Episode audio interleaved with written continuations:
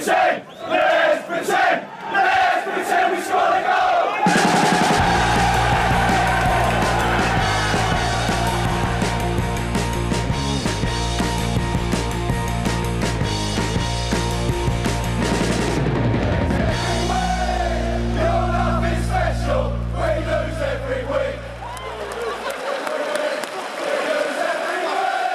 Ja, Stockholms Premier League-podd. Eh, vi har avslutat säsongen. Eh, åtminstone nästan. Vi har en Champions League-final kvar att spela. Men eh, vi, eh, vi kan inte vänta in den, eh, känner vi. Vi måste ha vår PLP Awards, Makoto och Frida.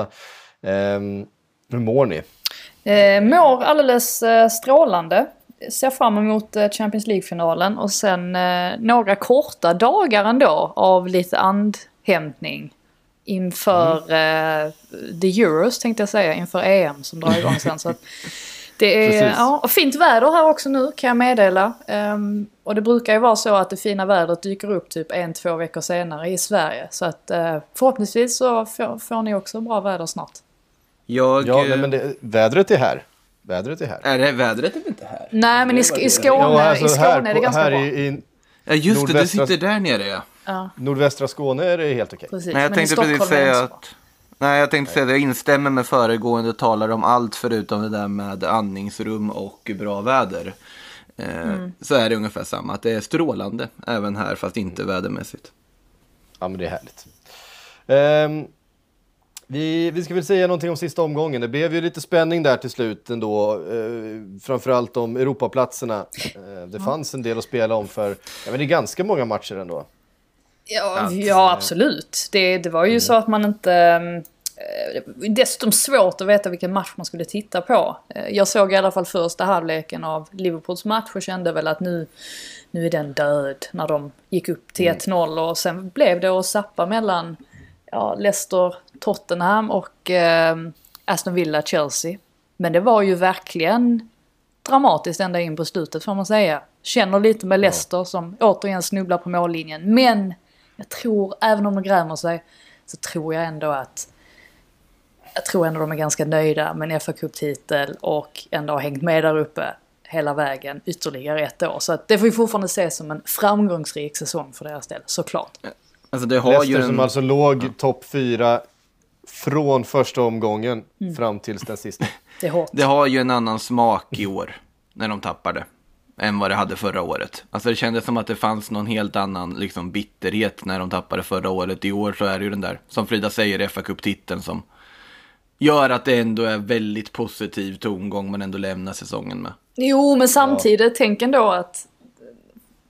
För då fanns det ju ändå en sån här spirit förra året att ja, men, men nu, har, nu har vi liksom påbörjat någonting bra, nu ska vi bara fortsätta på detta nästa säsong. På det sättet förstår jag ju att det känns oerhört surt att falla på mållinjen två säsonger i rad. Men som sagt, det finns ju ingen som kan påstå att Brennan Rodgers inte har gjort det bra med den truppen och det är ju rätt så många spelare som faktiskt har ja, alltså dippat i form och de har inte presterat sådär jättebra de senaste veckorna så att det är ju inte direkt orättvist att de ändå tappar den platsen. Intressant dock att Jamie Vardy helt plötsligt dyker upp från ingenstans och gör två straffmål, två ganska tveksamma straffar får man väl säga.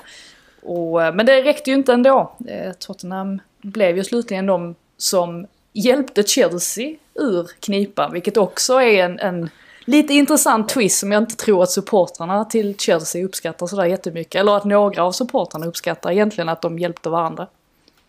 Ja, nej, men det är just det att Chelsea faktiskt inte gör sitt jobb, men ändå snubblar sig vidare.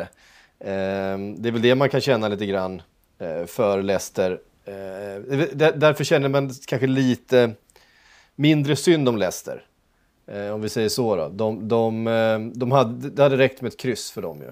Ja, precis. Fast det är ju jobbigare när du vet att det hade räckt med en egen poäng. Alltså det, om det varit annat sak, om Chelsea hade vunnit sin match med 3-0, då hade det varit, ja men det spelar ingen roll hur det hade gått ändå, alltså synd att vi missade.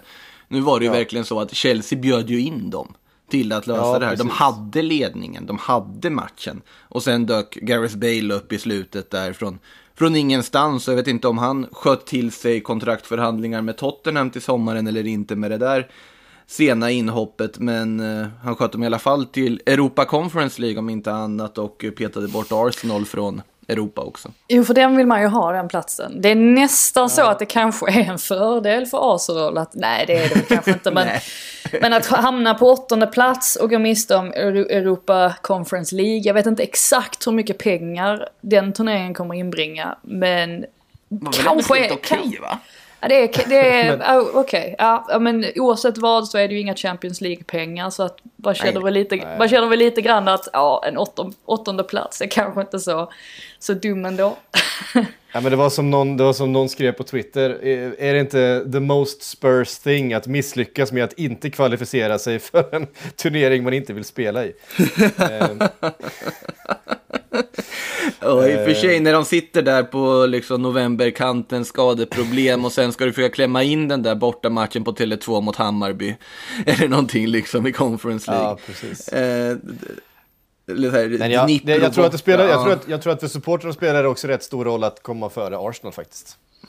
Ja, det gör det väl. Sen så tänker där liksom, eh, alltså what if? Alltså tänk om Arsenal bara hade gjort en lite bättre höst med tanke på hur ja, men fina de har sett ut. Har inte förlorat en ligamatch sen den där anskrämliga förlusten på The Emirates mot Everton i, Eh, vad var det, i slutet av april där. Eh, har ju annars gått väldigt bra under våren. Eh, så att på det sättet så måste de nog gräma sig lite över att, ja, hade de haft åtminstone ett, ja, två, tre ytterligare segrar, då hade det sett betydligt bättre ut i tabellen. Men ja, det är lätt att vara efterklok också. Mm, verkligen. Um ska, vi, ska vi lämna den sista omgången där och bara kliva rakt in på våra awards, vår inofficiella interna prisceremoni eh, att dela ut till tränare och, och spelare. Det är intressant Eh, nu dock för att jag har ju inte riktigt förberett mig här, men det kanske är att man går på känsla då.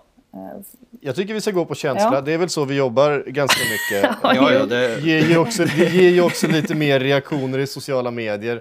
För vi glömmer ju alltid någon och så blir folk eh, lite upprörda och sen så... du kan inte Eh, säga det det är rakt ut att det är det. medvetet sökt. Då blir det, du tappar ju skärmen då. Det ska ju låtsas som att vi är Det jätteförberedda och är helt... Det medvetet. det, är bara, det är bara så det blir. Eh, men jag har förberett eh, nominerade i ett antal kategorier här. Och sen så men det är bra. Jag, eh, eh, att det ska trilla in några, några stycken via Twitter. Det har det redan gjort, eh, ganska många faktiskt. Ehm, vi, eh, vi får väl börja med årets spelare helt enkelt. Jag har tre stycken eh, nominerade till årets spelare. Ni får hålla med mig eller inte. Eh, men mina tre nominerade är Harry Kane, Ruben Diaz och Bruno Fernandes.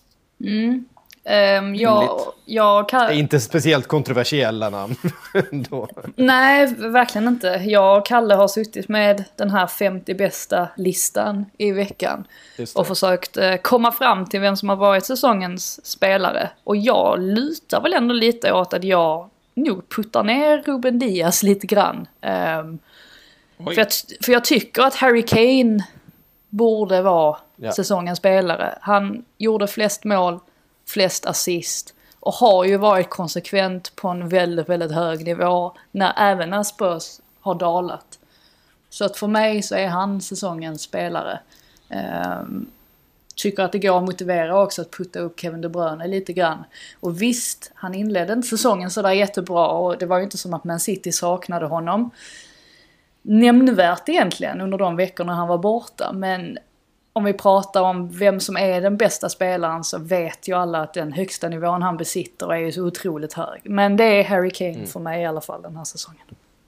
Nu, nu kommer vi in lite på samma diskussion som vi hade förra säsongen om inte jag minns fel. Det här med hur mycket ska det spela roll att du vinner ligan för att vara med i diskussionen om årets spelare. Jag har ett vagt minne av att vi Precis. hade den diskussionen och att jag kommer nog dra samma strå till stacken den här gången. För jag tycker att Ruben Diaz är, alltså sättet han har gått in och bara fixat City-försvaret, lyft sina medspelare och jag är den högst bidragande orsaken till att de går så bra som de går. Jag tycker att han är årets spelare för mig i det här sammanhanget.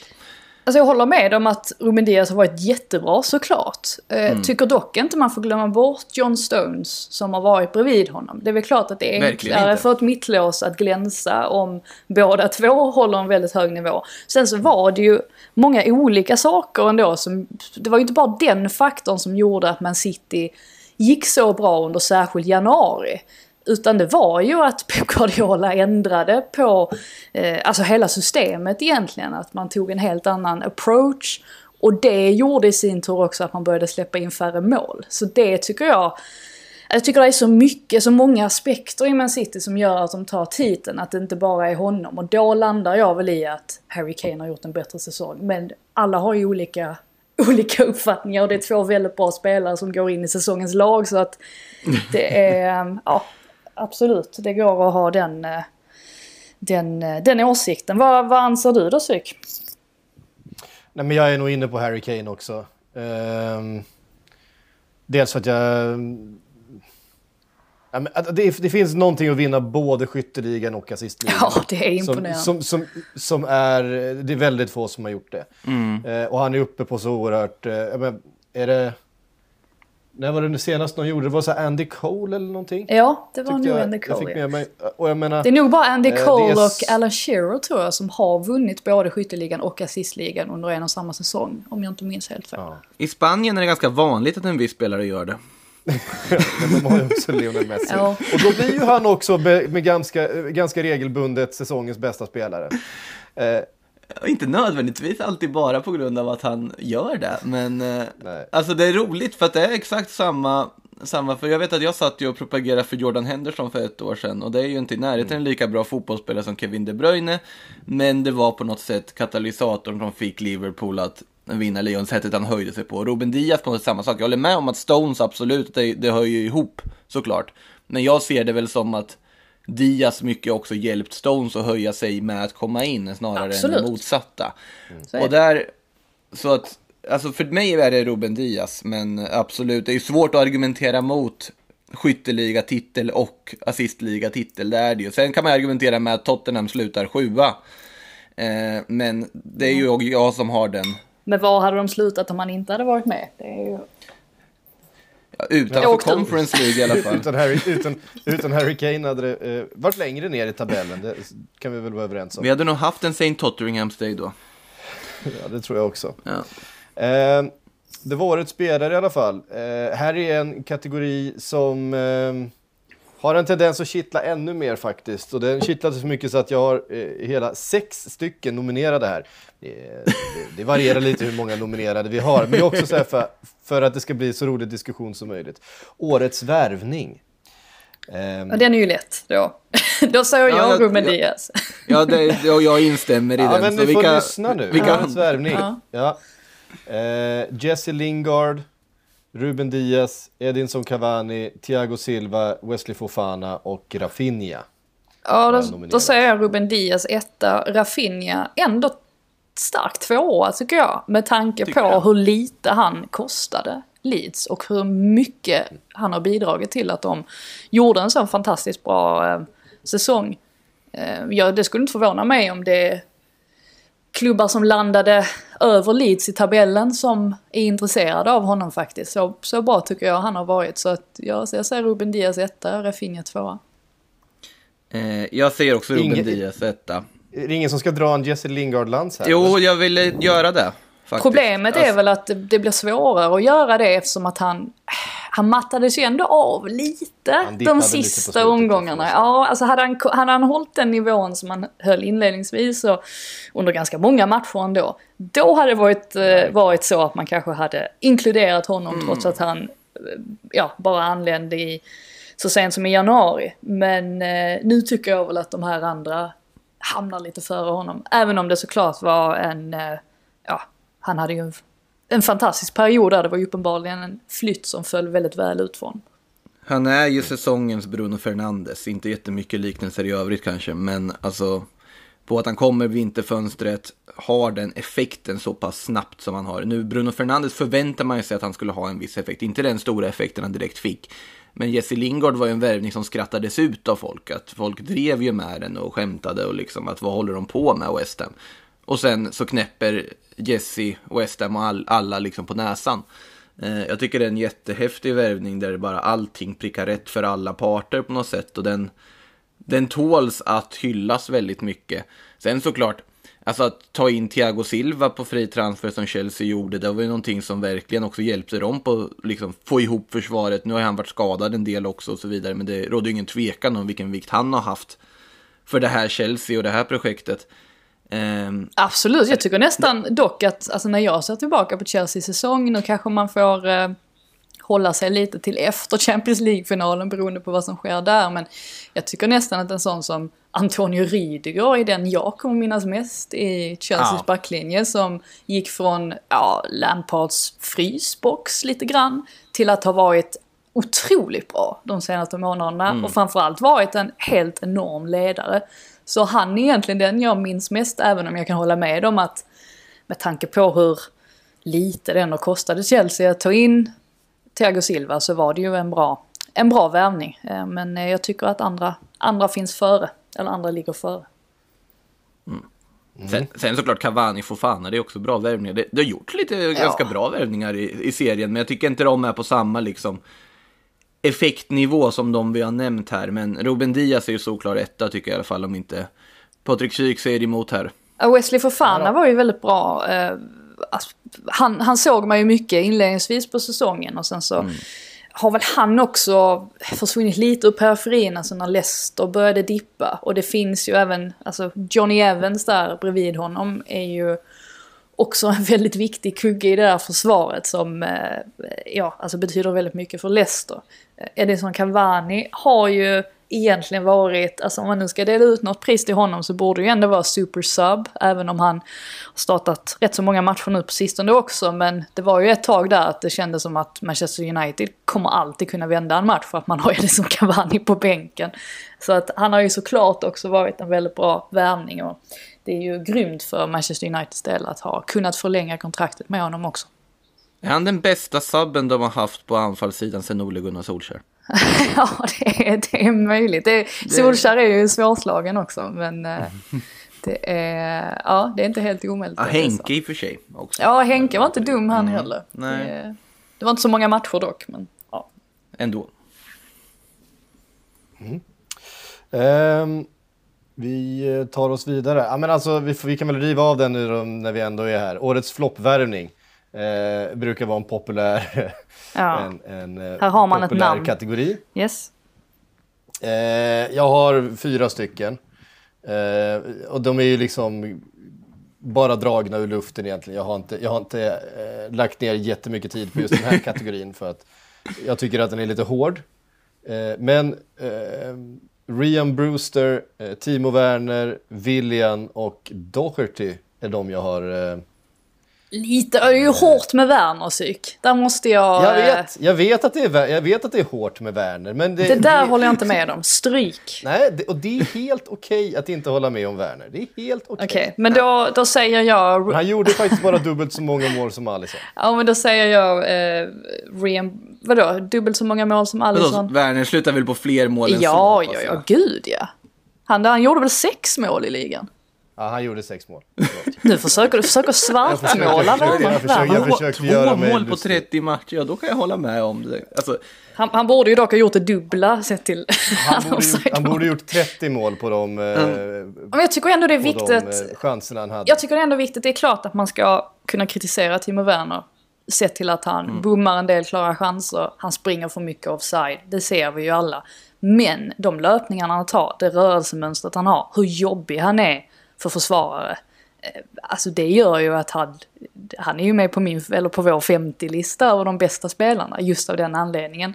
Kan han bara slipa bort de grejerna lite, kan Chelsea eventuellt plocka in en annan spelare som kanske är lite mer klinisk framför målet, då tror jag definitivt att vi kommer att se Werner blomma ut ännu mer nästa säsong. Så att han håller jag inte med om att han skulle vara en floppvärvning, men i, mitt, i min Men det jag värld... menar, det, det, det som spelar roll är ju inte vad jag säger. Nej, nej, nej, absolut. säger som nej men det är du roll. som Jag har gjort som nomineringarna Ja, och då måste måste vi väl- ifrågasätta då. Ja, exakt. Ja, ja, och det är ju hela, det är hela poängen. Ja. Det är hela poängen med Jag kan inte försvara Men. Rian Brewster, där har du floppvärvningen med tanke på att han kom Ja. för en väldigt hög prislapp, eh, misslyckas totalt, Sheffield United. faller ur, hamnar sist i tabellen. Jag tycker det är ganska klart att det är han som är det stora, den stora besvikelsen den här säsongen. Det, det kan jag också hålla med om. Sen, sen så här, jo, man hade ju förväntningar dessutom på Rian Brewster. Det är inte bara som att Alltså det var ju väldigt många klubbar som dessutom ville ha honom inför säsongen. Det var ju väl alla klubbar på undre halvan som jagade honom. Av lite oklara anledningar tyckte jag kändes absolut han var lovande, men med facit i hand inte tillräckligt för att rädda kvar Sheffield eller ens vara nära att kunna göra det. Eh, Sheffield gjorde han mål? ju knappt. Gjorde han var ju petad i stort sett stora eh, delar av Ja, det säger ju det mesta. Jag tycker väl spontant att en värvning som William också är en ganska rejäl flopp sett till att det känns som att i Arsenal i det här läget med en ganska stram budget, om de lägger en stor del av sin lönebudget på en spelare som William med den åldern, då är det ju tänkt för att han ska spela och tillföra laget någonting nu. Det har Men- han ju inte överhuvudtaget gjort. Men, glöm inte att han sköt ner West Brom och Sam Allardyce i Championship. det gjorde han. Det gjorde han och det är Det var därför han. han. räddas. Det gjorde han. Så det är därför han räddas från att inte vara en större flopp än eh, Ryan Brewster. Säger jag nu spontant. Han ska väl, det snackas väl om att han ska lämna redan nu i sommar också. De har väl insett att det där var väl ingen särskilt bra idé. Jag vill, Dock, jag vill slänga in ett annat på namn kontraktet. också, bara för diskussions skull. Donny van de Beek. Fast jag hade inga förväntningar på honom när han kom in. Jag tycker att det blir lite hårt att kalla honom för en floppvärvning när han egentligen inte har fått sådär jättemånga Han har chanser. inte fått chansen. Nej. Nej, det, det var ju, vi satt ju och diskuterade det också när han värvades. Att, åh, hur ska de få plats med honom? Alltså hur ska de, hur ska de spela då? Ja. Det har ju varit ganska tydligt att Solskjaer inte har haft särskilt stort förtroende för honom. Så på det sättet tycker jag det är lite... Det är svårt att kalla honom för floppvärvningen för att han kom med så lite förväntningar på sina axlar. Jag tycker dock att man, eller att United borde kunna utnyttja hans egenskaper på ett betydligt bättre sätt än vad man har gjort. Det var väl också vilken match var det? Kan det ha varit matchen borta mot Burnley möjligtvis? Där han hoppade in och eh, det var en ganska tight match minns jag. Hoppade in och såg till att man eh, eh, tog hem den segern. Ganska bekvämt att det var han som gjorde skillnaden där. Men det har man inte sett så ofta under säsongen. Men möjligtvis nästa, nästa år. Ja, nej, men det är ju så här, det är, det är lite grann som att kanske utnämna Ben Davis till årets flopp. Försvararen som Liverpool panikköpte Ja. i januari och som har spelat noll minuter. Ja, det är ju, han, han är ju där och petar ändå lite. Alltså grejen är att en floppvärvning måste inte nödvändigtvis vara baserat på att värvningen i sig har varit dålig, utan det kan ju vara dåligt, liksom dålig sportslig ledning. Som Ja, men, det, men det kan också, alltså, vi får ju också bedöma vad som är dåligt just här och nu. Det är ju mycket väl så att, att eh, Ryan Brewster nere i Championship nästa säsong blir årets spelare och anledningen till att, Ja. de åker, att de går upp igen. Och helt plötsligt så har det liksom totalt sett inte varit en dålig värvning, men vi får ju bedöma den, den här säsongen såklart. Ur den menar- aspekten så jag menar, ligger- William, William som är, som är eh, 72 år gammal ehm, och som skriver ett treårskontrakt. Eh, det är ju en, det är en helt annan sak eh, såklart. Men vi Som nu vill tillbaka bedöma- till Chelsea läste jag. Jag vet inte riktigt vad alla tror att de kan gå tillbaka till Chelsea bara och valsa in efter de har gått därifrån. Hazard och William och alla bara tror att det är öppna dörrar in till Stamford Bridge och bara promenera hem igen. Lite intressant. Ja, Sen får vi ju inte, får inte glömma bort heller att, alltså om vi pratar om, man kan ju dra den parallellen mellan Brewster och Solanke till exempel. Ben Solanke har faktiskt sett fin ut den här säsongen. Det, det jag har sett av Championship så att det är inte omöjligt att Brewster, att det blir en bra språngbräda för honom. Dock så tror jag väl att det kommer hända väldigt mycket i Sheffield United för att de har en trupp som inte är helt kompatibel för att liksom förändra sitt spelsätt och det lär de väl göra när Jokanovic är det ju som det snackas om nu ju, som ska komma in och ta Han är över. väl så att, helt klar eller? ja, det kanske till och med är så. Så att eh, det, ehm, det lär hända mycket där i sommar också. Så att det blir intressant att följa dem nästa, nästa säsong. Se om de kan studsa tillbaka direkt. Jag tror att det blir svårt faktiskt för dem. Ehm, eh, fint. Vi tar oss vidare då till kategorin Årets manager. Här hittar vi fyra kandidater. Eh, och det är väl klart att det, det är liksom... Eh, eh, om Pep Guardiola, vilket han antagligen kommer göra, vinner den där Champions League-titeln eh, och tar en trippel här med allt som är så, så blir det svårt att bortse ifrån. Å andra sidan, om Thomas Tuchel går och vinner Champions League eh, så eh, blir han kanske också svår att bortse ifrån. Vi får se. Men de nominerade är i alla fall David Moyes, Brendan Rodgers, Thomas Tuchel och Pep Guardiola. Ja, jag hade egentligen velat ge den till Alla fyra. Steve Bruce. Nej, jag bara skojar. Men eh, ja, nej men faktiskt alla fyra på ett sätt. För att jag tycker att de har gjort det bra på... De har gjort det bra på olika sätt. Alltså David Moyes mot alla odds, givetvis. Jag kanske ändå ger den till David Moyes med tanke på att det var så oväntat att de hamnar på en, på en sjätte plats med den truppen. Jag tror att de flesta som tippade tabellen hade tippat dem väldigt långt ner. Eh, Det är ju Patrik årets annat. överraskning. Ja, tippade de sist eller vad var det? Eh, Så att det, Nej, det är ju det, inte på mitt riktiga tips. Inte på mitt riktiga Var inte det tips. där Bara ditt på, riktiga? mitt, bara, bara på mitt låtsastips. det är ju ganska fantastiskt också att plocka in spelare som Craig, Craig eh, Dawson, eh, Jared Bowen, eh, alltså få Aaron Cresswell att se ut som ett geni. Eh, Sufal. Sufal glömde vi ju nämna på årets värvningar också. Eh, jag tycker att han Ja. förtjänar ett omnämnande. Socek. Jo, fast det var ju januari säsongen. förra Han kom säsongen. förra säsongen. Ja, Zocek kom förra. Ehm, Så att jag säger, jag landar nog ändå i David Moyes eftersom att det var en så pass stor överraskning ändå. Tycker dock att alla, alla tränare som nämndes där har gjort det väldigt, väldigt bra. Mm. Alltså, jag håller helt med era båda analyser sammantagna här. Att alltså, det David Moyes har gjort, återigen det här från att vara liksom utskrattad och bottentippad till att få det här truppen att slåss om en Champions League-plats in i sista, sista sekund och sen också få en Europa League-plats. Jag tycker det är otroligt imponerande. Eh, men också sättet City har dominerat den här serien, sättet Guardiola har lyckats alltså, få ihop det här laget på nytt och bygga ännu en ny version av Manchester City. Och, det, och sen är det den här Champions League-finalen, om man tar den bucklan, det är svårt att plocka bort honom därifrån tycker jag också.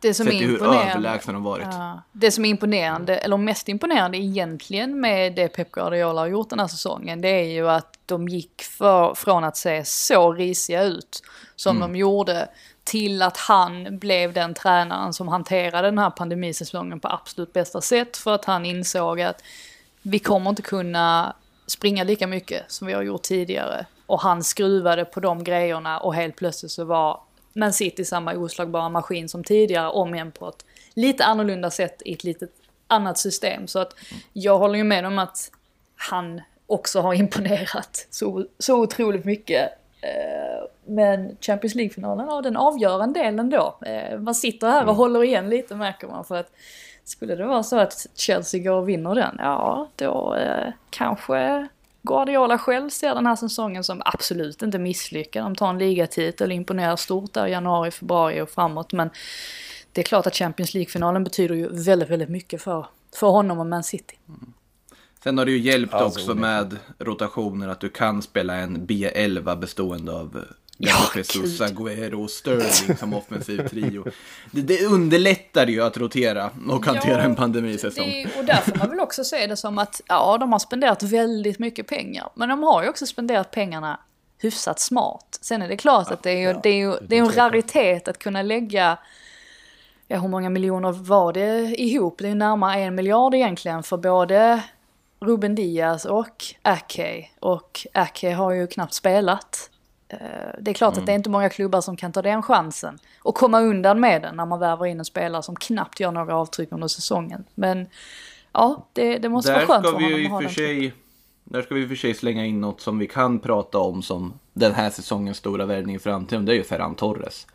Att man får honom för det reapriset du får och de stegen han ändå har tagit den här säsongen tycker jag är... eh, Det är värt att bara nämna, även om det kanske inte Ja. liksom ska vara årets värvning.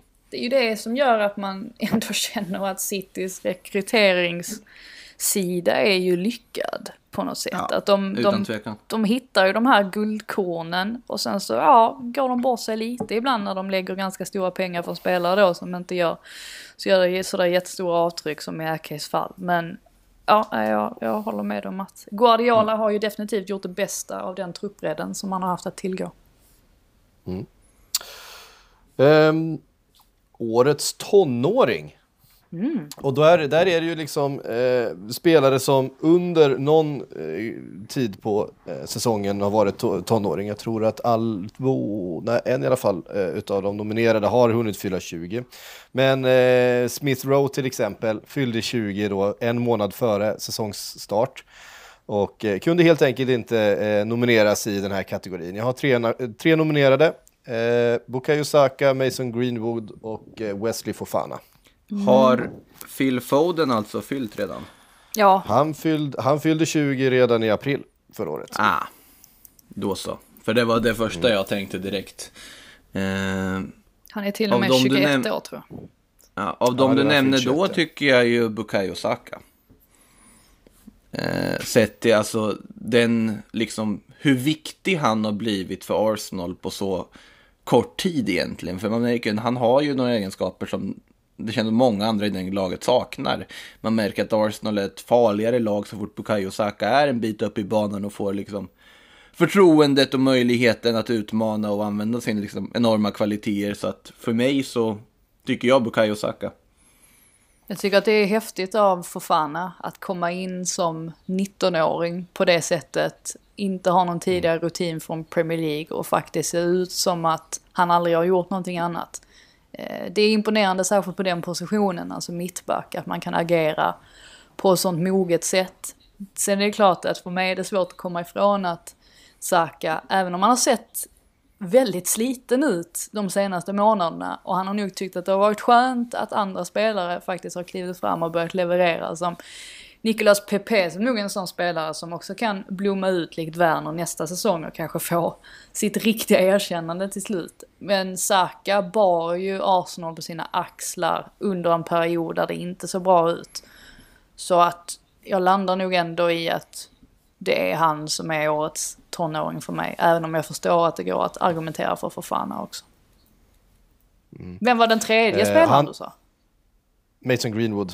Ja, precis. Alltså Mason Greenwood har ju, jag tycker han Han hade ju en svag, svag höst, men nu på våren har han ju Ja. sett betydligt finare ut. och han har ju faktiskt varit bättre än Rashford, tycker jag. Uh, alltså det finns ju, man kunde ju argumentera för att det var märkligt att Solskjaer plockade av eh, Greenwood av alla spelare och behöll Rashford på i finalen mot Villarreal. Men jag tror, jag tycker ändå totalt sett över hela säsongen så är det Saka för mig. Ja, nej men jag håller med också. Eh, visst drog eh, Fofana på sin skada där i vintras också.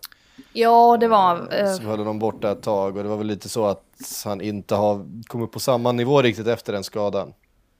blandat gett lite. Alltså, för, för Fanas del, absolut, det drar ju inte bort någonting från hans insats i allmänhet, men det var ju ändå en supertalang som Leicester betalar väldigt mycket pengar för, som går in med stort, liksom, alltså, stora förväntningar på så sätt sätter den prislappen. Sen att han har uppfyllt dem är ju fruktansvärt imponerande i sig, men Bukayo Saka kommer ju i princip från ingenstans, från akademin, från egna leden. Sånt ska ju också liksom premieras, tycker jag, i årets tonåringsutmärkelse. Ja, sen var väl inte, sen var ju inte tanken att Fofana skulle gå in från start. Det hade ju med, återigen med skador att göra. Det var väl Jonsson Mm. som var skadad inledningsvis. Så att tanken var ju att han skulle slussas in. Så på det sättet är det ju imponerande att han ändå kunde gå rakt in på det sättet. Mm. Trots att han inte hade, han hade hunnit acklimatisera sig fullt ut möjligtvis.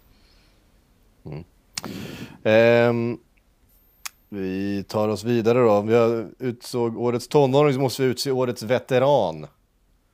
Eh, och här är, här, här är kraven hårda. Det är 35 eller, eller uppåt. Oj. Så att eh, spelare som Jamie Vardy och Edison Cavani är tyvärr inte där än. 34-åringarna. Vi har tre nominerade. Eh, den första är Fabianski, 36. Fernandinho, 35. Och Thiago Silva, 36. Marky Noble är 34, ja, han får inte vara med. Synd. eh, men Ja, det är kanske inte nominerat honom ändå. Nej, tack. Thiago Silva, säger jag. Eh, jag tycker att det är Fernandinho. Eh, Jag tycker att det är fantastiskt att han år efter år visar att det är så väldigt svårt att ersätta honom och de kvaliteterna som han har. Och han, var ju mycket det där med City inför säsongen, att vem ska nu liksom vara leda det här laget när kompani har försvunnit eh, för länge sedan och David Silva nu försvinner. Kevin De Bruyne, är han verkligen kaptensmaterial? Eh, men jag tycker att Fernandinho då ihop med De Bruyne, att de verkligen har eh, sett till att Ja, ihop med Ruben Diaz också, men det är ju trots allt Fernandinho och De Bruyne som är kapten och vicekapten. Att de ihop verkligen har eh, ja, men fört detta Man City mot ännu en, hö en högre höjd. Vilket gör att det, det, det landar hos mig då med Fernandinho. Eh, jag tycker att han också var en stor anledning till att de lyckades ta sig till Champions League-final också. Vet du vad? Du eh, övertalar faktiskt mig där. Oj! Känner jag. Eh, ja, men alltså, ja, men alltså, ja men jag kände det att du övertalade mig därför alltså, jag tänkte ju Thiago Silva direkt när vi pratade om årets värvning och så vidare. Sen tänker man, tänker man liksom ändå lite på Fernandinho. Och, mm. Alltså det är ju varje han, år vi tjatar han slår om mig, Han slår mig med häpnad i alla fall. Att han, ja, det är ju varje år vi tjatar om att hur svårt de har att liksom ersätta honom när han inte är på plan. Om det så är i mittlås eller på mittfält som han nu fått vara. För det mesta i och med att nu mittlåset har löst sig är det, och också dessutom ligatiteln på det. Mm. Ja, jag håller med. Mm. Det är fint. Eh, årets flopp har bara en nominerad. Eh, European Super League-lanseringen. ja. Det, det, är tidernas största flopp. Och det är ju tidernas mest dramatiska 48 timmar också. På något sätt, i alla fall ja. inom fotbollen.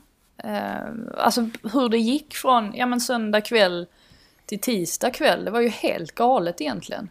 Och eh, ja, det är ju svårt att, svårt att bortse ifrån att det har präglat ganska mycket av våren och säkert kommer att prägla fotbollen för ganska lång tid framöver. Det satte ju, satte ju igång någonting i alla fall hos supportrarna mm. som nog kommer att hålla i sig under eh, ganska lång tid tror jag. Mm. Alltså verkligen, och det är ju det finns ju någonting positivt verkligen att ta med sig hur den här, eh, den här kuppen liksom slogs ner utav eh, eh publiken verkligen. Eh, för så var det ju. Den finns Men, fortfarande dock. Ja. Det innehåller bara tre lag. ja, en ganska tråkig liga måste jag ju själv säga. Om jag, tror, jag tror att det blir svårgenomförd med tre lag. Ja. Det kan vi säga. Men de där tre lagen är ganska desperata efter pengar just nu. Så att vi får se hur länge de sitter kvar i den där båten. Som ser ut att sjunka ganska snabbt. Men jag tror inte att det här är sista gången vi får se en så här försök att bryta sig ut. Det tror jag. Det kanske är cyniskt nu, men det här är... Det här kommer igen. Det här kommer igen. Vi kommer få omtumlande dygn ännu en gång på att det kommer komma något nytt. Och eh, det som... Ja, ja, alltså det, och det, det har det ju liksom... Det vet vi ju. Absolut. Ja. Eh, det händer ju förr eller senare. Mm. Och annars har ju Arsenal den där kvotplatsen till CL 2024 eh, när Uefa nu gör om till någonting som ungefär ser likadant ut som det förslaget som dök upp där. Mm. Ja, eh, årets flopp i alla fall, den lanseringen. Eh, för den var, den, den var misslyckad. En fin hemsida. Årets, årets följetong. Eh, här är tre nominerade handsregeln, eh, Liverpools skadade backar och Timo Werner och linjemännen. Oj. Ja, det är ju... Um, det är ju lite svårt. Jag tycker ju egentligen att, ja, handsregeln i stort, men... Eller på ett sätt, men, men VAR har väl varit en sån där följetong som man jag vill inte skriva vad Nej, jag, jag, jag förstår. Offside-strecken är väl nästan värre, eller? Ja, jag det kändes, också... det kändes också som förra, säsong, förra säsongens eh, ja, kanske. spaning. Jo, du har nog rätt i det. Um, tycker väl egentligen... Handsregeln däremot. Handsregeln, men också de här incidenterna som har blivit rött kort. Trots att det har vargranskats och så har man sett att mm. det där var absolut inte rött kort. Som i Sucheks fall var det väl som blev utvisad i mötet med Fulham, om jag inte minns fel. Mm. För ingenting. Och sen så, ja, så blir han utvisad efter att både vardomare och huvuddomare Mike Dean har tittat på monitorn. Och sen så, ja men såklart så hävs ju den avstängningen sen för att det var ju absolut inte rött kort. Alltså de incidenterna tycker jag ändå varit förvånansvärt, eller oroväckande många skulle jag säga. Så det är väl i så fall den följetongen som för mig. Sen är det klart att som Liverpool-supporter så har man väl pratat till 99% om mittbackar den här säsongen. Det har ju varit oundvikligt och de har ju faktiskt haft eh, extrem oflyt också får man säga. Mm. Fast de blev ju skadade i en sorts sjok i början, de var så absolut viktigaste. Så jag vet inte om det riktigt är en följetong. Alltså en Ja, nominering... men det är ju mer att, det, Ja. det är mer att alla, alla som har eh, spelat back överhuvudtaget för Liverpool, utom, utom eh, Andrew Robertson, eh, har ju varit skadade. Men det är också så här, Fabinho går ner och spelar mittbackar, men då blir han skadad. Henderson går ner och spelar mittback, då blir han skadad. Eh, de köper in Ozan Kabak för att spela mittback, då blir han skadad. Och, och att Eh, Liverpool det- liksom avslutar säsongen med Reece Williams och Nat Phillips. Bara det är ju ganska, det är ju, det är ju lite ögonfallande om man säger så. Och bild, bilden på de två tillsammans med liksom blödande pannor i sista, i sista omgången. De gav blev- verkligen allt den matchen. Det, Ja, det blev ge. väldigt symboliskt liksom. Nu var vi nere på ångorna här, i liksom mittbacks. Nu har vi två sönderslagna mittbackar kvar. Kan vi bara få avsluta den här säsongen nu? Eh, en fjärde nominering till uh, följetong är annars att Brighton vinner bollinnehav utan att göra mål. Alltså den... Ja. liksom, Ja, heders, hedersamma förluster för Brighton. Ja, men att ha den höga expected goals-statsen som de har haft den här säsongen. Eh, det, det säger ju, eller det, är ju, det talar ju för att det kommer att bli en bättre placering nästa säsong. Men ja, man vet aldrig. Det är, klarar man sig med Danny Welbeck, det tror jag inte. Jag tror man måste hitta någon. Hitta Man någon måste ju köpa annan. en riktig forward för fan. Jag hade Mopay ju... finns ju. Alltså om... Ja, men han är inte... Jag driver bara, jag driver Om, eh, bara. nej men alltså om man tänker Brentford, tänker man Brentford just så skulle det vara så att de missar att eh, gå upp i Premier League nu så hade jag ju velat plocka Ivan Tony. Som bara har sprutat in mål den här säsongen. Det är verkligen. nog ingen dum. Jag kan ju tänka mig att den prislappen är nog inte, den är nog inte låg om man säger så. Men Brighton måste nu göra någonting. Alltså få in någon spelare Ja. som är mer klinisk. För att det, det, blir, det blir inte hållbart om man fortsätter ha det oflytet framför mål som de har haft. Tony lär ju kosta, en, alltså det kommer ju vara Ollie Watkins pris på honom utan tvekan. Ja, absolut. Med, med, med tanke på att det kommer ju vara alla klubbar i mittenskiktet och neråt kommer ju vara intresserade av Tony. Ja, alltså det kostar ju, så är det ju. Ehm, Men det är väl om man lyckas sälja Bisu, eller lyckas, om man vill, är villiga att säl- sälja Bizuma till exempel. Då kan man nog få in en eh, ganska grov summa för honom, eh, skulle jag kunna tänka mig. Mm. Ja, vi får Ja, se ja, vad som ju- händer. Ehm, det är ju det, eller att man ger sig in i någon av de här liksom heta eh, anfallarna ute i Europa. Men en sån här som Patson Daka som har vräkt in mål för eh, Red Bull Salzburg. Ehm, men eh, risken är väl att, att eh, man inte vinner en sån dragkamp helt enkelt. Ja, Jag menar bara för att, för att undvika den höga prislappen att köpa liksom brittiskt och engelskt. Burak Ehm. Yilmaz. Ja, precis. Men är det verkligen Brighton att köpa en 35-åring? Nej, men de kanske behöver något som inte är så Brighton, tänker jag. Alltså Nej, någon som bara precis. gör målen. Jag tänker Glenn, an... Glenn Murray-kvoten. Nej, det tror jag inte. tänker jag. Alltså med tanke annars. på Graham Potter var ju inte sådär jätteglad i, i Glenn Murray när han fanns att tillgå. Så att Mm. tvivlar på att det är den typen av spelare han söker. Vi får se. För jag menar, man undrar vad, ja men så här, Red Bull Salzburg, vad släpper de en anfallare för jämfört med en eh, ny uppflyttad eh, spelare i England? Det, det kan ju faktiskt vara billigare att köpa en, en skytteligavinnare från en, en österrikisk liga än, än från Där Championship. lär det vara, utan tvekan. Men sen är det ju alltså, ett... Man måste ju vara lite på hugget för att ser man till exempel på, ja men ta um, Pedro Neto till exempel som har sett väldigt intressant ut under den här säsongen och säkerligen är på många, alltså om Diogo Jota var på Liverpools radar så tror jag definitivt att Neto är på ganska mångas radar också efter den här säsongen. Och det, det är väl lite det där att, alltså visst, alla har inte Jorge Mendes att använda sig av. Men man får väl hålla utkik i, i klubbar som, ja, av Bragas storlek exempelvis och hitta de där fynden. Eh, Precis. Det är ju ofta så man jobbar ju. Eller kliver ner i, i också- divisionerna och hittar någon där istället som Jared, Jared Bowen eller ja, Mm. den typen. Där känns det ändå som att Brighton har ganska god koll på att de inte prickat rätt på just forwardposten. De har prickat rätt på väldigt mycket annat runt Ja, om i planen. absolut. Och även tittat utanför. Känns som en ganska bred och välfungerande scoutingverksamhet de har där. Men det är att de måste att, få in en eh, vettig forward bara.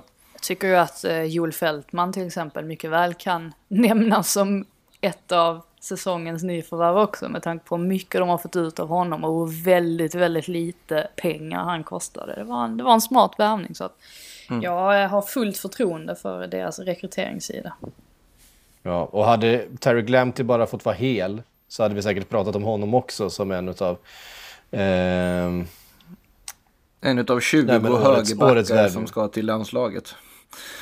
Ja, han ska väl inte till landslaget. Men eh, som sagt, hade han fått vara hel och hade han fortsatt på den, eh, med, i den formen som han hade under, under hösten där när han bara flög fram och Bayern München skulle köpa honom och det ena med det andra. Då hade det ju sett annorlunda ut, men det, det är klart att en, en formtopp gör ingen eh, sommar. Eh, som man säger. Hörde ni, vi, vi har fått en massa roliga bidrag och, och eh, inputs från våra lyssnare. Men vi ska börja med, innan vi kliver över dit, så ska vi ta ut säsongens 11 tillsammans. Husch. Eh, ska vi vara så fräcka att vi överger 4-4-2 och tar in en 4-2-3-1 för att få in lite mer offensivt och kanske närma oss lite mer hur, hur eh, Vad sa du, årets lag? eh, lagen faktiskt spelar. Ja, men vi överger 4-4-2 och går över på en 4-2-3-1 eller en 4-3-3 eller någonting. För Ja, att få jag- in lite mer offensivt. Jag vill ha en 4-3-3 tror jag. 4-3-3, ja men då, då, då kör vi en 4-3-3 då. Men vi börjar i mål eh, och det ser ju likadant ut i alla formationer. Ja. Vad Ska vi bara, ja men Emi Martinez säger jag. Eh, tycker att han, han är årets, årets målvakt. Eh, tycker att det är ganska svårt att utse årets målvakt dessutom. Det är ingen som har stuckit ut sådär och varit extremt mycket bättre än alla andra. Men Emmy Martinez har en av de högsta räddningsprocenterna, har räddat otaliga poäng för Aston Villa och eh, har ju, blev ju dessutom utnämnd till deras, ehm, ett, till den bästa spelaren i Villa av fansen. Så jag, jag säger Emmy Martinez. Jag hovar väl in en honorable mentions för både Edward Mendy på sättet han har kommit in och eh, liksom ja, levererat på ett sätt som en viss annat nyförvärv aldrig gjorde i Chelseas Nej, målvaktströja. rib, ribban satt ganska lågt också. som man eh. Jo, jo, så, så är det ju i och för sig. Så. Jag vet inte om han har samma ledaregenskaper och liksom tränarkarriär framför sig som Kepa, men i alla fall. Eh, men, och Ederson, tänker jag, för att även om han kanske inte haft jättemycket att göra i alla matcher och så vidare så hör ju även till en målvakts arbetsbeskrivning idag att ha koll på sin backlinje och styra den och bevisligen har han ju kunnat göra det ganska bra också med tanke på de som kommit in där och han har ju en del i att försvaret sett bättre ut också. Och Ja. de vinner ligan. Så Gjorde, den, dessutom, eh, gjorde dessutom assist, får man ju icke förglömma. Eh, det en assist dessutom. Det är ja. inte många målvakter som, de flesta målvakter, jag läste det med eh, just med expected assist, den statsen, de flesta målvakter står på 0,0. Eh, Ederson står på sådär 0,5 vilket är rätt sjukt. eh, och, och väldigt anmärkningsvärt. Det enda misstaget från honom som jag kan komma på sådär på rak arm under säsongen, alltså grova misstag. Det är ju den här situationen med Bellingham i mötet med Dortmund. När Bellingham ju egentligen borde ha fått med sig det målet. Men där kom ju Ederson undan. Men i övrigt så håller jag med dem. Jag tycker att han också varit stabil. Men Emil Martinez har väl stuckit ut lite mer för mig. Jag, håller, jag, jag köper båda, så kan vi säga. Jag vet inte vad psyk säger. Nej, men jag, jag ställer upp på det. Jag tycker inte att det är någon som har eh, eh, riktigt stuckit ut. Ederson absolut. Eh, Hugo Lloris i perioder, men... Eh, Schmeichel Ja, jag kan ställa upp tycker på- jag också att man borde Schmeichel, nämna. verkligen tycker jag att eh, Schmeichel ska vara där uppe. Men den här sista matchen och... Ja, det var eh, tungt. det, han, gör ju en, han gör ju ett misstag där. Mm. Eh, så det blir till ett självmål, även om det är lite hårt att kalla det för självmål. Ja. Men, eh, Men han räddade eh, fa man Han, det gjorde han verkligen, så att eh, han, ska, han ska omnämnas också. Eh, årets högerback, Vad kom vi fram till då? Vem är årets målvakt? Är det Martinez? Eller Martinez. Ja, bra. Så. Högerback. Ja, så här vill jag ju lansera Cancelo. Eh, Cancelo är ju inte bara en högerback, han kan spela till vänster, han kan spela, eh, helt plötsligt är han i offensivt straffområde nästan. Eh, han har varit lite överallt, men med tanke på hur han, alltså sättet han anammade den fria rollen som Pep gav honom. Tyckte att det också var en av de stora nycklarna till att Man City gick så bra, eller började gå så bra och se så bra ut inledningsvis på, på året där. Så att för mig blir det nog ändå Cancelo, även om han inte är en traditionell högerback på det sättet. Jag skriver under helt på den. Ja. Eh, Då ska vi ha ett mittbackspar. Eh, Vi har pratat en hel del om Ruben Diaz eh, och det är väl, det är väl Ruben, Ruben Diaz ska väl in där. Alltså egentligen så hade jag ju gått för båda två. Alltså här, Ruben Diaz och John Stones. Ja, kan för, man göra. för mig är det nog de. Jag vet att det blir väldigt mycket City men, i backlinjen. Men det har ju varit en av de De stora anledningarna ja, till att de har hållit så många nollor och lyckats täppa till så mycket bakåt. Så att för mig är det nog ändå de faktiskt. Mm. Jag är återigen beredd att skriva under med risk att det blir väldigt mycket City i den här elvan. Men eh, håller helt med om att det är väl... Jag satt och funderade på om man ska... Om Fofana Johnny Evans har varit fantastiskt bra Ja, Evans, Ja. Fofana, Rydiger går det faktiskt ändå att argumentera för. Ja, liksom, jag tycker han även om- spelade för lite i höstas för att kunna vara med. Lite så ja, precis. Att det är lite för lite. Det går väl nästan att alltså... Är det, är det konstigt att nämna Harry Maguire i den här diskussionen? Nej, jag tycker väl egentligen inte det. Jag tycker att han får lite oförtjänt mycket kritik med att de svagheterna ha- han har ser ju inte sådär jättebra ut. Det här med att han Mm. ibland har lite problem att vända sig 180 grader och jaga efter motståndare. Ibland. Ja men det gör ju att det, men jag håller med om att man ser ju vilket ehm, eh, ja, men vilket, vilket tomrum han lämnar efter sig nu när han är skadad. Han har ju spelat så Ja, mycket som han inte tänkt på det. Eh, så att ja, möjligtvis, men då tycker jag väl ändå att Diaz och Stones har varit snäppet bättre. Har ju faktiskt varit bra offensivt också, bara en sån sak. Det var ju inte Stones känns för tidigare, att göra en massa mål på fasta situationer och sådär. Nat Phillips. Nej. Nej, nej, nej. nej Dra men- gränsen Sto- någonstans.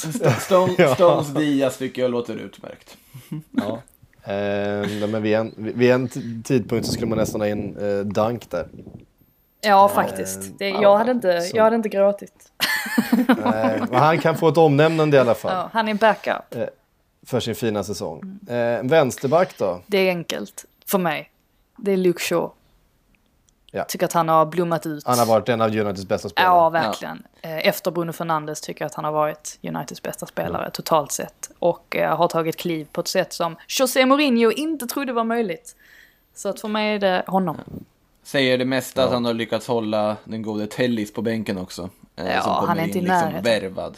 Nej, så att jag, jag håller med om Nej, det är stor skillnad i kvalitet faktiskt. Ehm, man, skulle kunna, man skulle kunna slänga in James Justin där också. Ja, det är ju trist att han fick den avslutningen på säsongen. Eh, Mm. Eller att det inte blev någon avslutning på säsongen. För att annars hade han nog kunnat spela in sig i en, en EM-trupp också. Jag tror inte alls det är omöjligt. Så att eh, Mm. tungt. Vi får hoppas han är tillbaka, tillbaka så snabbt, så snabbt det går. Godfrey kanske ska nämnas också liksom som en... Ja, Han har ju spelat, lite, han har spelat både som Ja, men och alltså att få in någonstans. och om man vill, liksom. högerback ju dessutom. Väldigt eh, Men jag tycker, jag tycker Ben Godfrey, liksom generellt ett omnämnande eh, för sin säsong. Det är, ju- det är ju ett stort genombrott verkligen. Absolut, alltså han, han visade sig vara en jättebra värvning och det är ju därför han är med i den här EM-truppen också. Sen är det möjligt att han kommer vara en av dem som ryker nästa, nästa vecka då. Eh, men absolut, det har väl varit eh, ja, alltså väldigt... En spelare som har kunnat spela på många olika positioner så på det sättet så har han ju verkligen varit lyckad för, för Everton. Ja, onekligen. Eh, en 4-3-3 sa vi. Då ska vi ha eh, en sittande mittfältare va? Ska man inte ta en mittfältstrio var då? Ja, inte det, inte det, får man inte göra det då? Bättre. Hellre. Annars så... eh, Alltså för mig, alltså sådär spontant, om jag hade sagt en trea så är det nog De Bruyne, Gündogan och Fernandes för mig. Då får ju Gündogan vara lite mer sittande än de andra i så fall. Även om han ju till och med blev Man Citys bästa målskytt den här säsongen, vilket säger en del.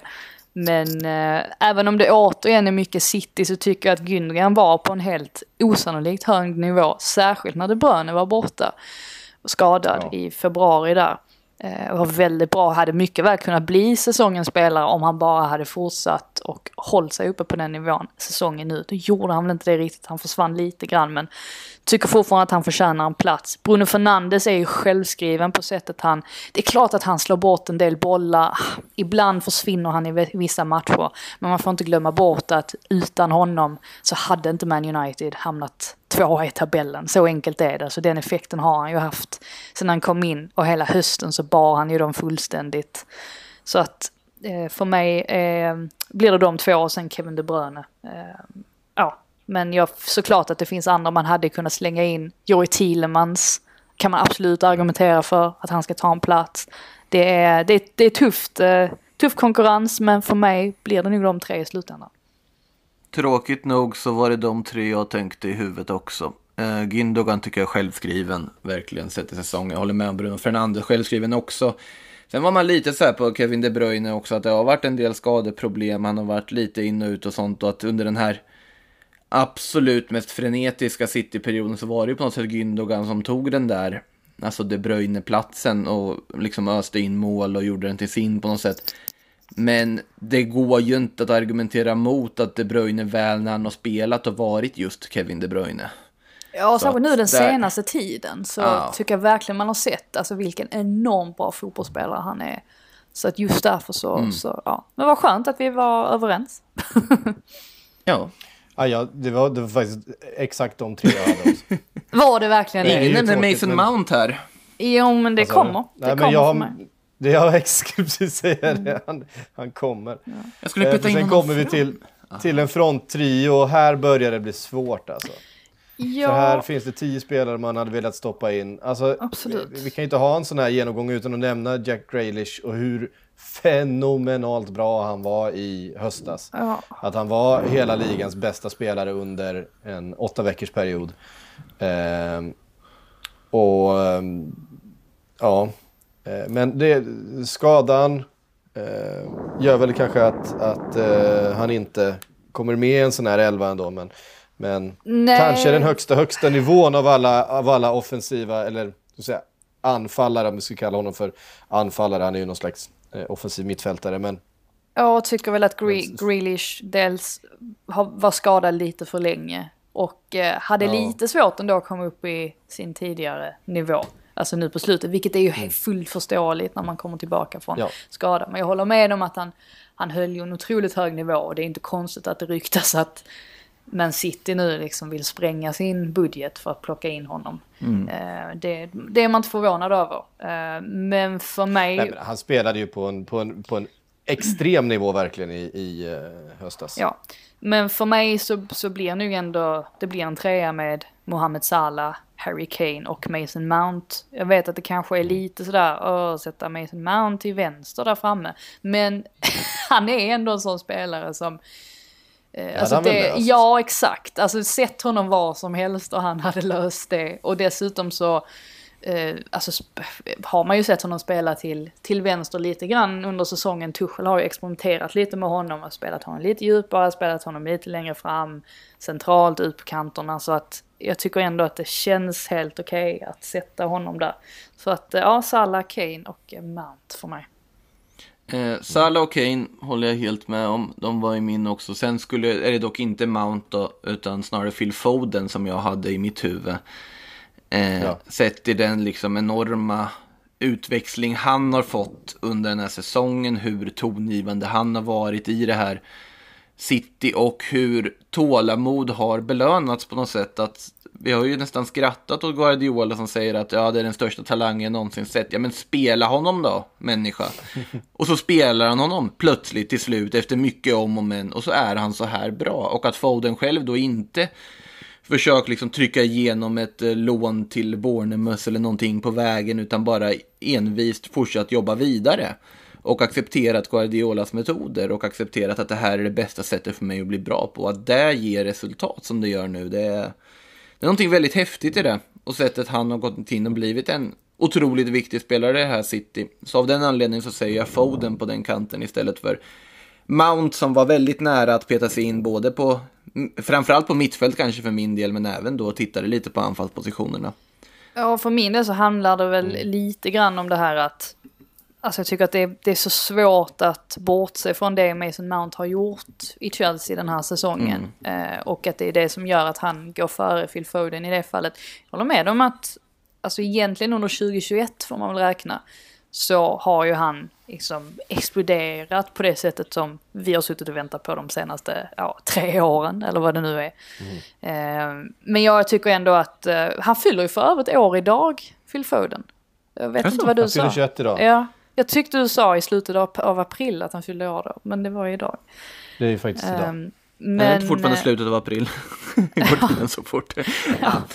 eh, men som sagt, jag, jag tycker ändå att Mason Mount, han, han förtjänar den där, den där platsen. Jag tycker det är fint också att se hur han gick från att vara ja, men Frank Lampards kelgris till att bli Gareth Southgates kelgris. Och sen egentligen när Tuchel kommer in, det är då han får sitt verkliga erkännande. För då visar det sig att han även är Tuchels favorit. Och det är nog ingen, ingen slump att det är så. Så att ja, för mig är det, är det Mason Mount. Mm. Där hade vi den elvan. Eh, Martinez, Cancelo, Diaz, Stones, Shaw, Fernandes, De Bruyne, Gündogan, Salah, Kane och Mount. Man, man, hade inte, eh, ja, man hade inte hatat att hålla på det laget. Alltså om det var ett riktigt lag. Nej, nog, de hade vunnit rätt många fotbollsmatcher. Ja, Super sub Patrick Bamford, Ja, faktiskt. kan jag tycka. Ja, men jag, jag har nämn. faktiskt en, en, eh, en kategori till. eh, Men den... Jag har bara skrivit ner lite namn, men det var också väldigt top of my head och det var årets hype. Men vi kanske kan, fort, vi kan väl fylla på den kanske, för att det har ju varit många hypar under året. Eh, vi hade Lamptey-hypen, vi hade Graylish-hypen, sen hade vi Madison-hypen efter det, Lingard-hypen inte minst. Eh, och sen har vi haft en Patrick Bamford-hype eh, i perioder också. Stuart Dallas-hypen. Alltså jag tycker Stuart egentligen, Dallas-hypen. alltså Stuart Dallas, han har vi inte nämnt någon gång under podcastens gång. Men jag tycker att han verkligen förtjänar ett omnämnande. Han, i en alternativ startelva hade han nog, eh, eh, ja, hade han nog tagit en plats faktiskt. För min del. Hip, hipster-elvan. Yes, vi har ju som vanligt, som ni vet, fått en massa eh, input från våra älskade lyssnare. Ehm, Joel vill att vi ska prata om alla ungdomar som slagit igenom denna säsong. Vi har pratat lite grann om dem.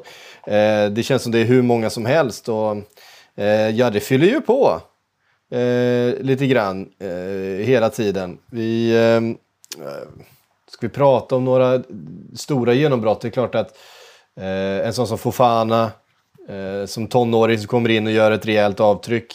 Eh, det var ju en ungdom som visserligen köptes in, men, men eh, absolut ett, ett genombrott. Eh, vad har vi för några som har kommit underifrån och eh, tagit en plats och gjort ett avtryck som ni kan, som ni kan se? Alltså det är ju det är omöjligt att alltså, bortse från Arsenal då ju. Och Ja, Smith Rowe. Saka och Smith Rowe. Alltså det är ju de två som många gånger har, har burit Arsenals offensiv. Och eh, det var väl ingen som hade tänkt sig det när säsongen startade, att det skulle bli så. Så att det, är- det är ju omöjligt att bortse från de två i alla fall först och främst. Eh, och ehm, också Arsenal, men i Newcastle. Ehm, så hittar vi, fan du tapp, precis nu när jag skulle säga det så trillade namnet ur huvudet på mig. Joe Willock heter han ju. Jag, jag höll på att säga matcher Jude, precis, jag skulle säga, jag höll på att säga Jude Bellingham precis när jag skulle säga Joe Willock. Han har ju i och för sig slagit igenom lite också, men på annan ort kanske. Ja, precis. Nej, men det är ju inte i Premier League så han får faktiskt eh, ursäkta. Men Joe Jag, Willock. väl, jag känner mig väl lite osäker på Joe Willock ändå och kommer alltid göra. Eh, tyckte inte Kommer alltid göra, att- det är hårt. Nej, men alltså jag Det- köper det. Jag köper det, alltså Eh, helt och hållet. Var inte imponerad av honom långa stunder, på långa perioder i Arsenal och var inte förvånad över att han lånades ut till slut. Och sen är det klart att han har haft, sett fantastiskt bra ut i, i Newcastle, vilket är lite roligt med tanke på att Steve Bruce var ju inte sådär jättekeen på att vilja spela honom i början, utan det var ju lite skador och sånt där som gjorde att han, att han fick komma in och sen så då fick den här fantastiska Eh, alltså, hur många matcher i rad gjorde han mål i egentligen till slut? Det var, det var många i alla fall. Sju, va? Och, eh, ja, sju kan det vara det. Ja. Det är helt sinnessjukt egentligen. Ja, det, det var ju en riktigt fin svit. Vi får se vad som händer här nu med honom. Jag är väl inte säker på att han kommer komma tillbaka till Arsenal. Det kan mycket väl bli så att Newcastle ser till att köpa loss honom. Ehm, Men visst, det var ju en överraskning i alla fall att han kom in i den här streaken. Och det är klart att, ehm, att det är skönt för honom också. För att som sagt, lite stiltje på honom eh, i Arsenal tyvärr. Vad har vi annars då? Alltså i ungdomsväg. Sitter... Tänk, om Fabio Silva hade, Ja, hade blivit en succé. jag tror fortfarande på Fabio Silva. Nästa år blir hans år. Eh, Ja, det, det låter tveksam. Nej, men det, det är väl klart att han fick ju alldeles för mycket ansvar i Wolves. Alltså det, det hade ju inte han räknat med att... Eller de hade inte räknat med att Jiménez skulle skada sig och han skulle behöva spela så många matcher som han har gjort. Eh, Men det, det är möjligt att han, att han eh, blommar ut ordentligt nästa säsong, who knows. Um, Försöker tänka, för Nej, men vi har ju Ja, nämnt, vi har ju nämnt några också, typ en Terry Lamptey och så vidare. Ehm, en Terry Lamptey, det finns flera. en Terry Lamptey, två Terry Lamptey. finns det två Terry Lamptey? Nej. Nej, men du sa en Terry Lamptey, det var därför. Gjorde Men jag det. Nej, vad fan. Ja. Nu, nu, nu, nu, är det någon som tar en sipp av någonting någonstans. Ja, shoutout till killen på Twitter som hade gjort en, ett ölspel av... Sillypodden. När du, vadå, att, att du, när du säger en? Ja, alla möjliga aspekter? Ja, nej. nej. Men jag, jag tror att det jag är, också något. jag tror att det är dialektalt, eller jag har för mig det, att vissa, vissa säger det mer än andra. Ja, jag vet inte, det kanske bara är en, en usel eh, teori. Nej, men jag vet inte, Mm. i övrigt, alltså klart Mason Greenwood, det nämnde vi redan, har ju gått bra Han här slog under, kanske igenom under förra säsongen våren. också. Ja, Det var väl... Curtis Jones. Eh, fick inte så mycket speltid där på slutet. Eh, Nej. var ju på väg att slå igenom på något sätt. Svårt att säga att Reese Williams har fått sitt genombrott. Han är ju mest liksom, han har ju härdat speltid. ut. Ja, han får speltid och härdat ut så, så Ja. ser man det ju lite grann. Och sen Phil Foden, om man nu räknas som, som eh, talang och ung och sådär fortfarande, har väl också fått sitt, sitt genombrott. Så att, och, och ihop då med Mason Mount som också är hyfsat ung så är det väl klart att Englands framtid ser ju ljus ut på Mm. De onekligen. positionerna. Eh, men nu, eh, jag ber om ursäkt om man glömmer bort någon som är helt uppenbar, men Men det gör man kan väl alltid. inte riktigt. Det är väl alltså hur gammal är Esse? Han, men han väl också Esse. 20, 21, 22 eller? Ja. Godfrey är väl 23 tänkte jag lite på här. Man sitter och eh, letar upp åldrar samtidigt som vi pratar om det. För det är många spelare man tänker på så här att ja, men de har man inte haft så mycket koll på innan och slagit igenom här. Men de är kanske fortfarande lite äldre. Chadams var någon jag tänkte på, man är ju 24 redan. Eh, Ja, Ja, ja, precis. gud, han, han tänkte Han inte jag med länge. Nej, nej, jag gillar det i alla fall. Eh, han har jag glömt bort redan. Eh, ja men eh, Dwight McNeil, vad han blivit nu? 21 år. Minns någon match där när han var sensationellt bra när han gjorde det kanonmålet. Han har ju varit bra i smyg alltså. McNeil, alltså under många säsonger har det varit väldigt lovande i smyg. Får se när jag ska ta det riktigt sista steget att verkligen börja kopplas ihop med de absoluta största klubbarna. För det finns ju otrolig talang där. Nej, jag menar, det, det är ju såklart... svårt när man spelar i Burnley också. Det är ju lite ett annat spelsystem menar jag. Så man kanske inte skiner på det sättet. Är Nej, men alltså så här, det, det är ju några som har tagit, fått liksom något slags genombrott. En Calvin Phillips. En, nu gjorde det igen. Eh, Calvin Phillips. Ja, Fan också. En vi spela. Eh, Calvin Phillips har ju fått ett genombrott men men han är 25 år gammal. Eh, men det är ju för att han har fått sin eh, chans i, i Premier League och tagit den eh, på något sätt. Men vi eh, går vidare. Vi får nog stanna där tror jag. Ja, Ja, jag precis. tror det. Eh, eh, bara en shout-out. Lars Sjölund vill att vi ska fundera lite på om inte Leicester var de som drabbades värst av skador under säsongen. Men som ändå Mm. lyckades nå en fin femteplats. Det här är alltså en lista på spelare som alla missade 10 eller fler Premier League-matcher på grund av skada. Fofana, Soyuncu, Justin, Barnes, Praet, Vardy, Evans, Castagne, Madison, Ndidi, Ricardo, Morgan och Perez. Helt okej matchtrupp. ja, Alltså, lite spelare, få de hade ju fruktansvärda skadeproblem. Mm. Ehm, Egentligen har ju nästan alla haft stora Ja, skadeproblem. Med, bortsett från några lag då som har klarat sig betydligt bättre. Alltså det är ju egentligen, alltså Man City klarar sig ju hyfsat bra. Hade ju några skador där i höstas. Hade också en okej Som- bänk att laborera med. Ja men exakt, vilket gjorde att, för det, det var väl det man lite grann lyfte när det gick lite trögt för dem där. Att ja men det är för att Agüero är skadad och Fernandinho var skadad då också. Det visade sig att man inte behövde Agüero sådär värst mycket under säsongen. Ehm, så att de har klarat sig ganska bra. Man United har väl klarat sig ganska hyfsat också. Anthony Martial visserligen. Men saknar väl inte honom jättemycket egentligen. Och Maguire nu på slutet. Men eh, i övrigt har det väl varit ganska lugnt på skadefronten. Men det är klart, Leicester drabbas extremt mycket. Det har de gjort. Eh. Och det är ju också en anledning till varför de har sett slitna ut nu på slutet. Därför att Mm. de har dragits med väldigt mycket skador och det har varit en, en tung säsong på det sättet. För Liverpool så är ju problemet inte antalet utan placeringen av dem. Alltså Att- man tittar på Att det är sa- precis samma position som skadas hela tiden. Ja, Salah, Mané, Firmino har inte varit skadade någonting. De har ju kunnat spela hela säsongen. Det är alltså en fronttrio som fått vara skadeförskonad. Det är bara det är ju en ynnest och en lyx egentligen. Men det är nästan som man tänker att det hade nog varit bättre för dem att få, jag säger Firmino eller Mané borta en månad eller två. Och sen då istället ta tillbaka Joe Gomez eller van Dijk. Så det är problemet är att alla Problem- ligger på samma lilla position och inte liksom utspritt över hela laget. har ju inte jättemånga alternativ ändå där fram. Alltså det är ju Diogo Jota som... Som ju var skadad. Som var skadade i och för sig. Ja, det är sant, alltså det är, så att egentligen hade någon av dem, alltså tänk om Mohamed Salah blivit skadad. Alltså Ja, det hade ju var nog varit den absolut värsta skadan. Ja, det har varit Ja, Han- gått jag in. tycker, Shaqiri tycker eller att han har Ox varit- eller någon. Ja, men han har ju varit, alltså Mohamed Salah har ju varit Liverpools viktigaste spelare den här säsongen. utan Jag tycker han tätt följd av Fabinho är väl de två som har stuckit ut mest. Vad hände med Harvey Elliott? Är han kvar Han är utlånad och gör Ja. eh, succé i Championship. Ja, Ja, det har gått ganska... Jag följer honom på Instagram. så där följer man ju... De lägger ju bara upp bilder när de har gjort mål och sådär. Så att... eh, Ja, det verkar ha gått bra för honom. Ja. Ja, det har, eh, det har gått alldeles utmärkt eh, för honom i, i Blackburn. Eh, på tal om ung, han är ju född 2003, så han har ju nyss fyllt 18.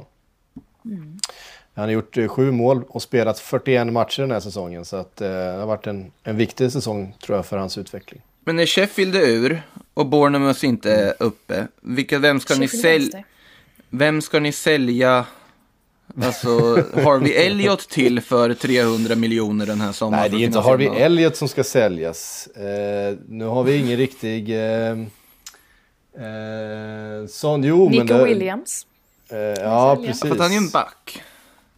Ja, Måste ju vara någon off... Harry Wilson, men han är ju också så han är lite för etablerad väl för att bara sälja av på det sättet.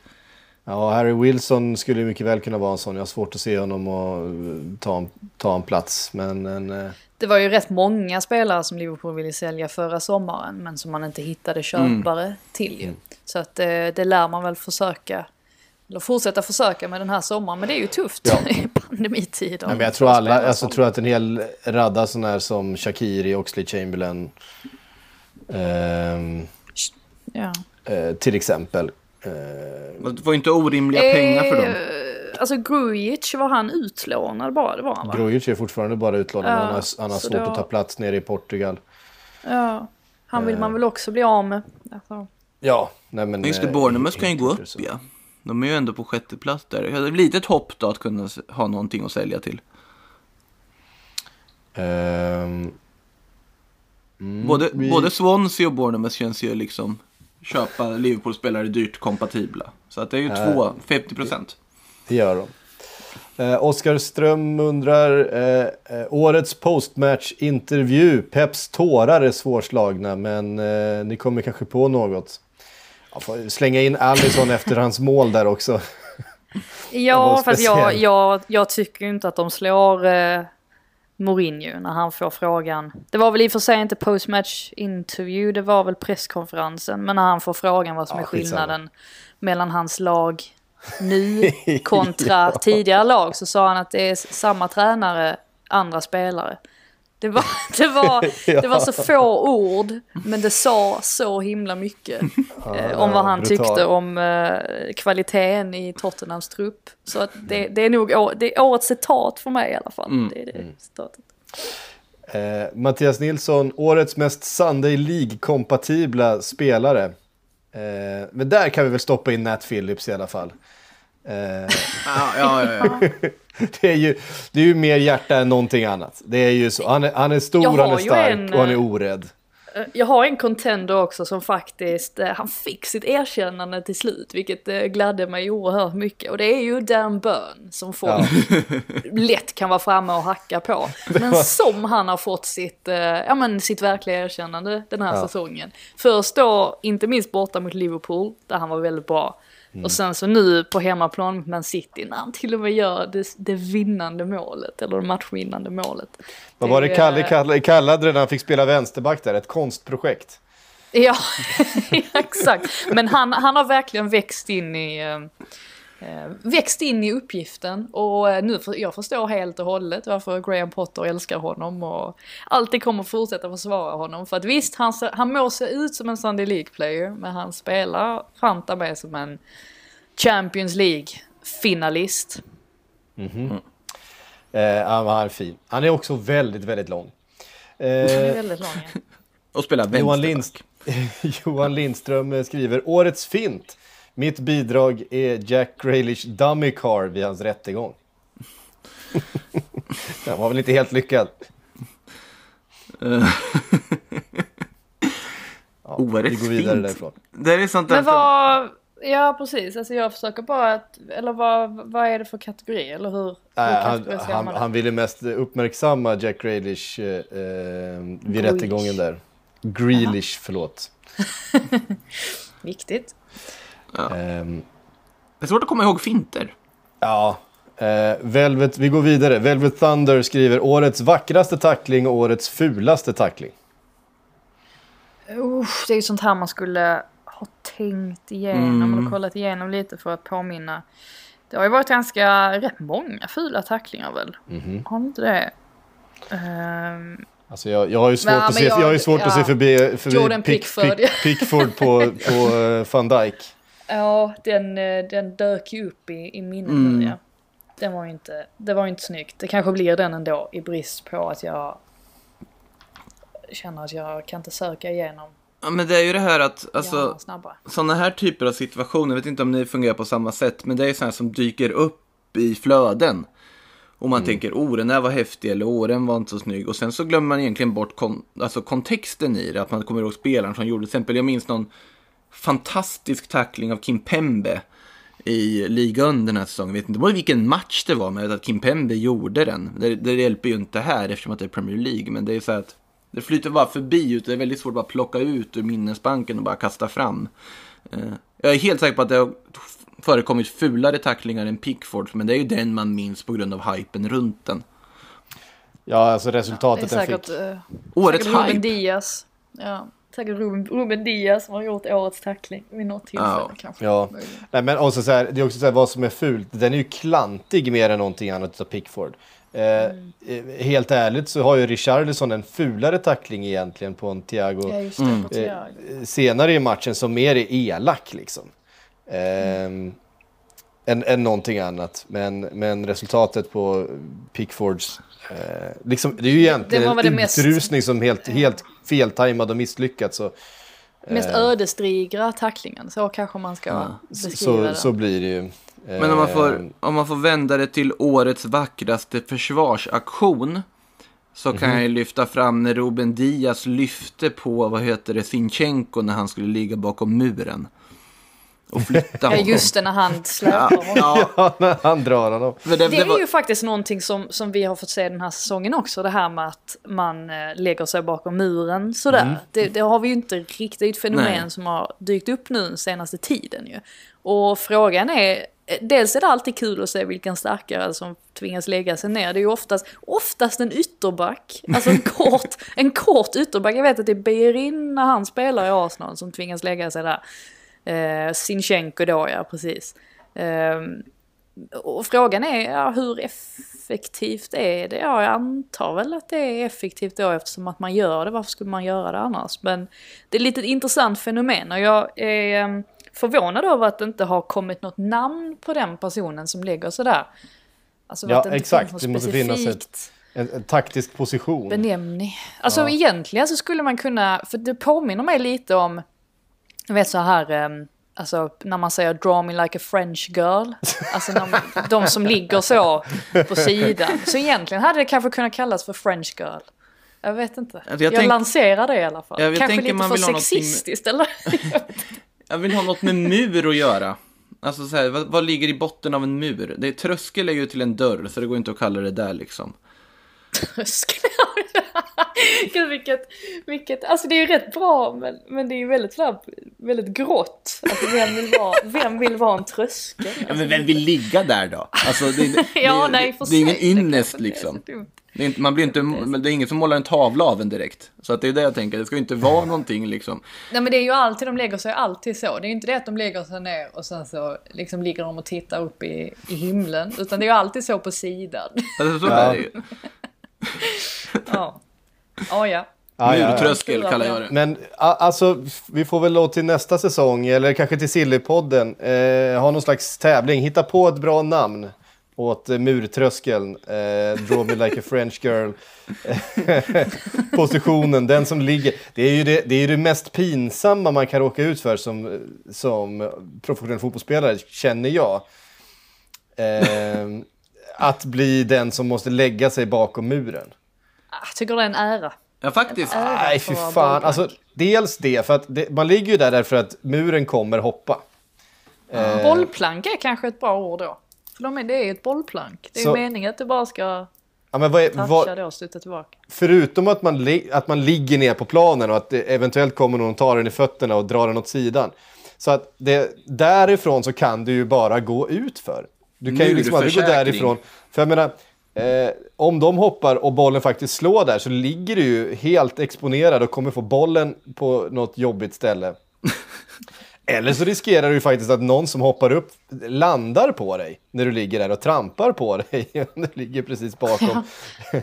det är ju inte heller något kul. Så att nej, eh, det, det är ju ett väldigt förnedrande jobb men eh, eventuellt något som någon bara helt enkelt måste göra.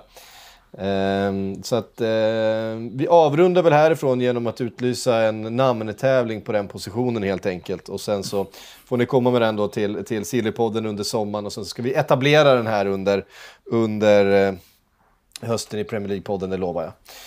Eh, hörde ni, eh, Frida och Makoto, tusen tack för den här säsongen. Tusen tack för alla ne- till alla er som har lyssnat. Nu är det EM, EM-podden igång, Silly-podden igång. Vi ska snacka italienska tränare här lite senare idag. Eh, Makoto inte bara italienska tränare, men i, tränare i Italien och kanske några i, i Tottenham också. Ja. Eh, och, eh, det blir stökigt. Fram emot. Det blir stökigt, eh, helt klart. Tusen tack till alla som har lyssnat. Eh, Sportbladets Premier League-podd är tillbaks i augusti igen.